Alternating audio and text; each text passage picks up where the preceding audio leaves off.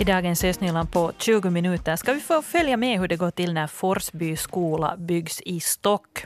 Det ska också handla om vår nya satsning på plast. Och så ska vi se på vilka kandidater Svenska folkpartiet ställer upp i riksdagsvalet i Östnyland. Jag heter Helene von Aftan, välkommen med.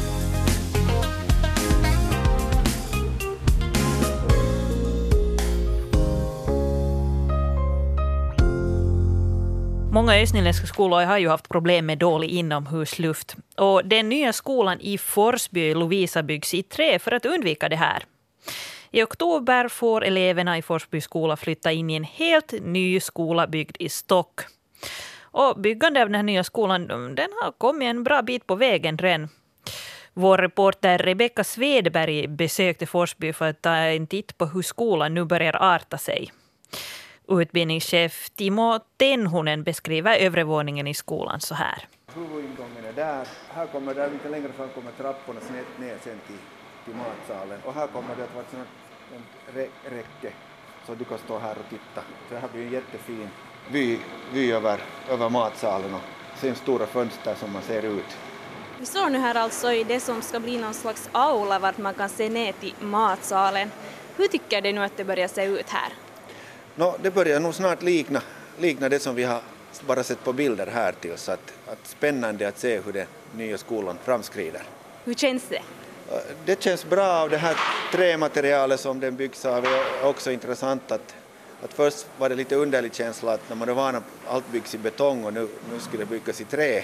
Men nu ser, känns det som det är det enda rätta materialet. Hur har det kommit sig att man har bestämt att bygga i trä? No, egentligen är det så att vi, vi vill ha hälsosamma skolor och, och utan inneluftutmaningar och, och det här är en del av det projektet. Garanterar nu den här trän då att det inte kommer att bli några luftproblem?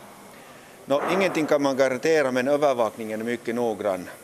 Klart det här är mycket betong också men vi har hårda kriterier för, för att ingenting får täckas in om det, det är fuktigt. Jag litar på det. Hur mycket är det som det kommer att bli i träd? No, här är nog mera betong än vad jag trodde men det är det befolkningsskyddsutrymmet som, som måste vara av betong och det är det som vi kanske ser nu för tillfället mest när vi kommer in i, i huset.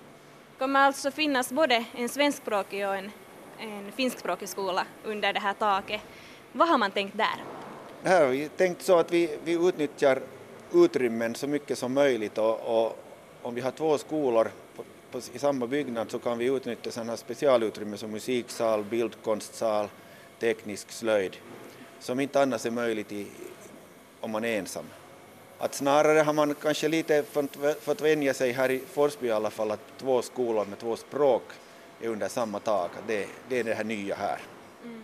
Rektorerna jobbar tätt, tätt intill varandra. Lärarna har kommit närmare varandra och eleverna har ju, har ju liksom jobbat för sin gemensamma skola så de har också träffat varandra i flera repriser. Vi står i det som ska bli matsal. Hur känns det nu att vara här?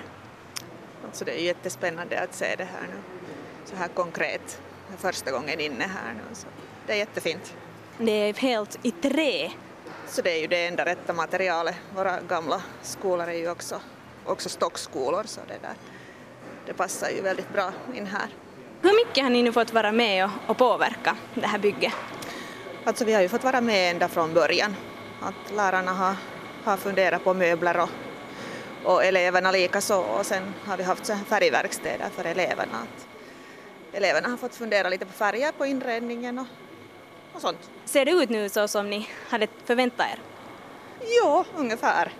Det är ju, ju stort, det är det ju, men det, det visste vi ju. Så det, där.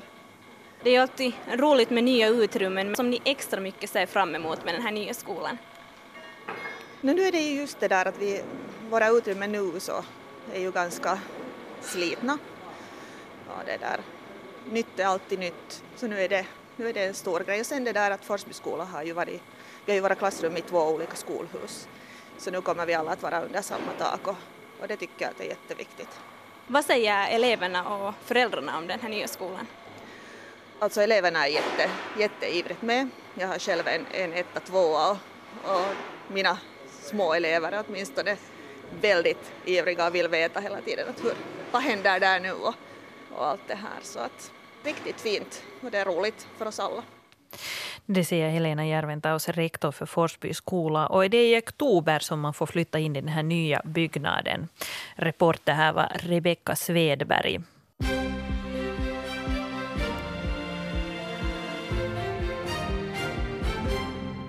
Du lyssnar till de östnyländska nyheterna då klockan är halv åtta. Jag heter Fredrika Sundén. God tisdagsmorgon. Borgostad fortsätter att montera solpaneler på hustak. I slutet av mars installerades paneler vid Huhtisen koulu. Solpanelerna producerar el motsvarande den årliga elförbrukningen för cirka fyra småhus. Strömborgska skolan och Eklövska skolan som blir färdiga i år ska också få solpaneler. Dessutom installeras paneler i åtminstone Tolkis allaktivitetshus, Linnajoen koulu, Keskuskoulu, Kvarnbackens skola och räddningsstationen under de följande åren. Solenergi utnyttjas nu redan i nästan 20 av stadens byggnader. Inomhusluften i Jogipuiston koulu i Sibbo är dålig och eleverna har fler symptom än eleverna i andra skolor. Det visar resultatet av en undersökning som Sibbo kommun har utfört. Undersökningen visar att eleverna har luftvägs och allmänna symptom i högre grad än normalt och något fler ögonsymptom än normalt. Också de anställda vid Jokipuiston koulu rapporterar om fler symptom än genomsnittet. En del av eleverna ska nu få undervisning i Östanåparkens festsal så fort som möjligt och målet är att alla elever flyttar till tillfälliga lokaler i höst. Och Bookwell har köpt Borgoföretaget Paino Yhtymäs affärsverksamhet. Det skriver tidningen Ytäväylä. Painoyhtymä sattes i konkurs i november och en orsak var pundets försvagade värde i och med Brexit. Det att Bookwell nu har köpt affärsverksamheten betyder att företaget kan fortsätta utan avbrott i samma lokaler som tidigare. Painoyhtymä kommer att sysselsätta cirka 15 personer i framtiden jämfört med nuvarande 10. Och tre personer skadades i en krock på Tolkisvägen i Borgå vid fyra tiden igår eftermiddags. Krocken skedde i korsningen av Tolkisvägen och Haikkovägen. En av bilisterna kom från Borgohållet och svängde in rakt framför en annan bil och den tredje bilen blev påkörd i samband med krocken. Två av bilarna totalförstördes i olyckan och Tolkisvägen var avstängd i 45 minuter under röjningsarbetena. Så väderutsikterna för Östnyland fram till ikväll. Det blir halvklart uppehållsväder idag. Dagens högsta temperatur är mellan 4 och 9 grader. Vinden är måttlig och sydvästlig. Jag har fått med mig vår reporter Mira Bäck hit in i studion. Hon har med sig något sånt här grått rör, kanske det är ett avloppsrör. Vi ska lite ta reda på vad det handlar om. Ni kanske kommer ihåg artiklarna som spreds förra sommaren om att det skulle vara helt onödigt att sortera plast eftersom det ändå hamnar i havet utanför Kina.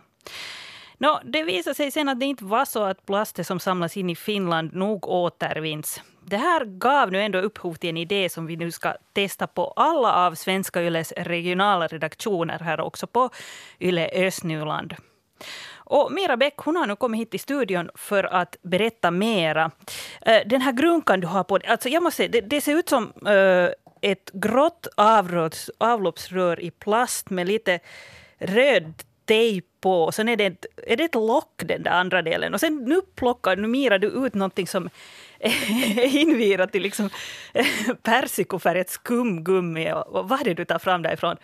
Det här, är, det här uh, lilla svarta fyrkantiga grejen, det här är nu alltså en sån här GPS-sändare. Mm. Och den här burken som det är i, så den är egentligen ihopbyggd av sådana här stuprensdelar för okay. att, att skydda den här den här GPS-sändaren. Så jag var inte helt ute och seglade? Nej, det var ganska nära. ja, ja, eller jag tycker mörkgrå fyrkantig, kanske är den sju eller tio centi lång ungefär. Så står det Östnyland på mm. den. Ja, den, ska, den ska åka iväg någonstans då tydligen. Ja, så är det.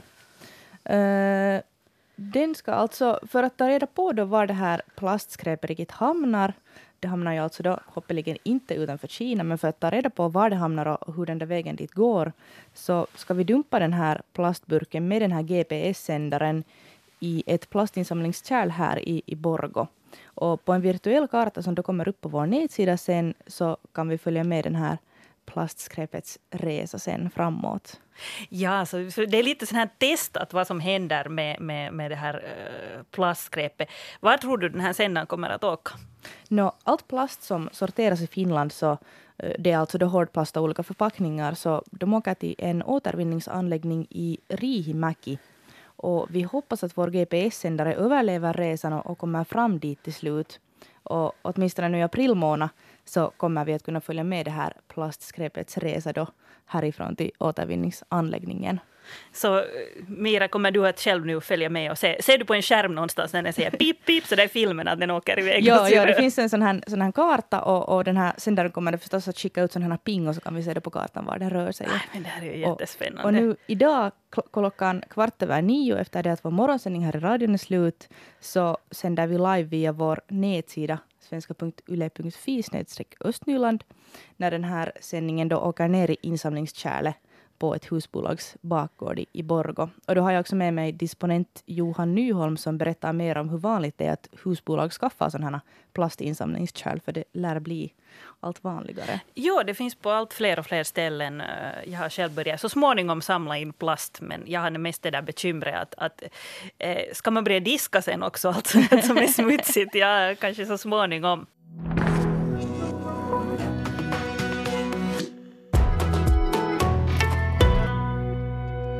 Den 14 april blir det ju riksdagsval och så här inför valet så presenterar vi här på Ilevega i Östnyland kandidater från den del av regionen som vi bevakar och det är ju alltså Sibbo, Borgo, Lovisa, Lappträsk, Mörskom och Pyttis. Och vi lite kollar upp hur de har svarat på frågorna i Yles valkompass. Turen har nu kommit till Svenska folkpartiet som Fredrika Sundén har kollat på. Fredrika, hur ser det ut med kandidater i Östnyland? Um, no, SF, nu, nu ska vi se, hörs jag nu? Ja. ja. Nu är mikrofonen på. SFP är alltså det parti som har flest kandidater i Östnyland, hela tio stycken. Uh, två av dem kommer från Lovisa, det är då Otto Andersson och Mia Hansbrock Wirén. Uh, fem kommer från Borgå, det är Patrik Björkman, Elin Blomqvist Valtonen, Mikaela Nylander, Kristel Pynnönen och Frida Sigfrids. Och tre kommer från Sibbo, det är Caroline Högel, Kaj Lindqvist och Mikaela Röman. Så där är en hel del kandidater. Och vad du nu kollar så är det tydligen så att partiet är delat vad gäller utvidgad läroplikt. Påstående i valkompassen lyder då att läroplikten borde utvidgas så den gäller också yrkesutbildningar och gymnasier. Mm, precis. Och där är då tre kandidater eh, från SFP helt av samma åsikt och en är delvis av samma åsikt. Medan sen fyra är helt av annan åsikt och två delvis av annan åsikt. Så det är ganska jämnt splittrat där. En eh, som inte vill utvidga läroplikten är Mikaela Nylander som är sittande riksdagsledamot och stadsfullmäktigeordförande i Borgo. Ehm, jag ringde upp henne igår här för att eh, kolla lite närmare motiveringar till att hon, hur hon hade svarat som hon hade svarat här i valkompassen. Och hon sa att 11 procent av de som går ut grundskolan inte kan läsa tillräckligt bra för att komma vidare i studierna. Då tycker jag att vi måste fokusera på början av skolstigen, på småbarnspedagogiken och på den grundläggande utbildningen så att alla som går ut skolan kan läsa. Att de som, som inte har tillräckliga läskunskaper, så det hjälper inte den här förlängda läroplikten, utan jag tycker att det viktiga är det att man verkligen ser till att alla kommer vidare. Och för någon kan det betyda läroavtal, för någon kan det betyda tionde klass och för någon kan det betyda att du behöver rehabilitering helt enkelt för att kunna studera vidare, komma vidare till yrkesskola eller gymnasie. Så säger alltså Mikaela Nylander som ställer upp för Svenska folkpartiet i riksdagsvalet. Uh, en annan fråga som du Fredrika hade kollat på uh, vad de säger om kärnkraftverk. Att eh, SFP-kandidaterna är ganska eniga det här påståendet i valkompassen lyder ju att Lovisa kärnkraftverk bör få fortsatt drifttillstånd efter 2030. Mm, det är ju alltså så att de här reaktorerna där i Lovisa är i slutet av sin livslängd och den ena uh, har tillstånd till 2027 och den andra till 2030 och, och nu är då frågan just att ska, ska det få fortsätta eller inte. Eh, fem SFP-kandidater är eh, helt av samma åsikt, det, det vill säga att man ska bevilja fortsatt driftstillstånd och fyra är delvis av samma åsikt. Um, här är ändå en kandidat som eh, lite sticker ut ur mängden och det är Mikaela Nylander. Hon är alltså den enda som är delvis av annan åsikt på det här påståendet. Och när jag ringde upp henne igår så sa hon att hon konsekvent i riksdagen nu har röstat mot att Finland bygger ut kärnkraften och istället tycker hon att man borde satsa på andra energiformer. Jag tycker att man borde satsa på energispar. Vi har fortfarande mycket vi kan göra där, både när det gäller privata hushåll och när det gäller industrin och företagen. Och sen tycker jag att man borde satsa kraftigt på att utveckla teknologin, miljöteknologin och också de förnybara eh, energiformerna. Så att jag, jag har tyckt att, att kärnkraften har har delvis bromsat den här utvecklingen i och med att man inte på riktigt har behövt söka efter alternativ. Äh, Mikaela Nylander sa ändå att hon skulle stödja en tilläggstid för Lovisa kärnkraftverk om hon i riksdagen skulle tvingas välja mellan det eller att bygga ett helt nytt kärnkraftverk. Så att hon är kanske inte helt emot det här med att, att eh, ge fortsatt tillstånd åt, åt Lovis kärnkraftverk, men att hon tycker då att man kanske i första hand borde satsa på annat istället. Så att ungefär så eh, SFP-kandidaten har lite olika åsikter här i de här frågorna. Tack Fredrika Sundén.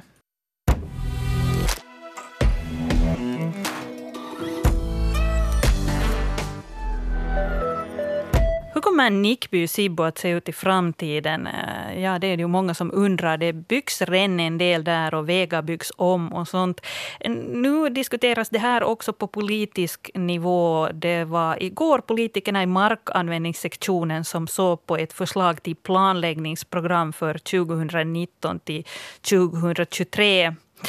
Tanken är att Sibbo kommun så där, eh, ska växa med 600-800 invånare varje år. Det är cirka 3 procent.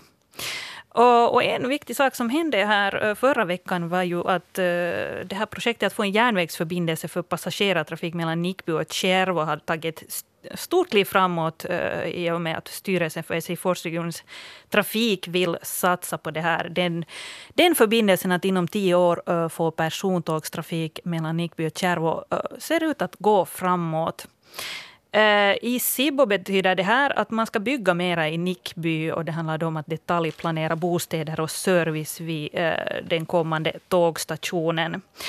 Jag ringde här just upp eh, Rantala från Samlingspartiet som är ordförande för markanvändningssektionen för att eh, fråga riktigt hur det gick på mötet igår. Och han berättade att eh, sektionen nog godkände det här förslaget till planläggningsprogram. Eh, några små skrivfel rättar man till och andra sådana små saker. Men så där i stora drag. Eh, den ska då gå upp i stadsstyrelsen här senare. Och när jag frågade Johanni Rantala då vad han själv så anser om eh, det här med att utveckla Nickby så konstaterar han att det är lite det här som med hönan och ägget. Att eh, ska tåget komma först eller byggnaderna? Nu går ju den eh, varutransporter där på, på den järnvägen, men att eh, om man ska få persontågstrafik där så, så skulle det behövas också människor som bor vid banan men ska man bygga några bostäder först eller ska man öppna den här tågtrafiken först? Det är ju det som är frågan. Eh, men eh, ja, han tycker det är alldeles bra att, att utveckla Nickby och, och han konstaterar också att man redan i Ådalen har börjat detaljplanera och till och med kommit igång med att bygga en del hus där.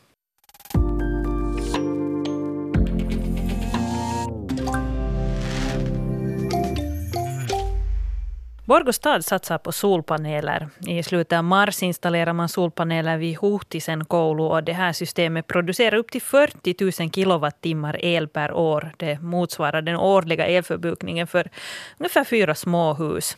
Och av äldre byggnader ska bland annat Kvarnbackens skola få solpaneler i framtiden. Vår reporter Leo Gammals ringde upp eh, projektchef Tony Lökfors på Borgostad för att eh, fråga vad målet är med de här solpanelerna som staden installerar. No, nu är målet, grundmålet är att, att det där spara energi beroende på lite nu hur, hur, hur vi hittar lämpliga platser alltså i, i samband med nybygge och saneringar så, så har det varit kutym här nu senaste åren att, att installera, installera de här solpanelerna och tanken där har ju varit det att, att då när de, man får den, den bästa, bästa effekten ut från dem så ska huset kunna vara så att säga självständigt i elförbrukningen på som, under sommarmånaden.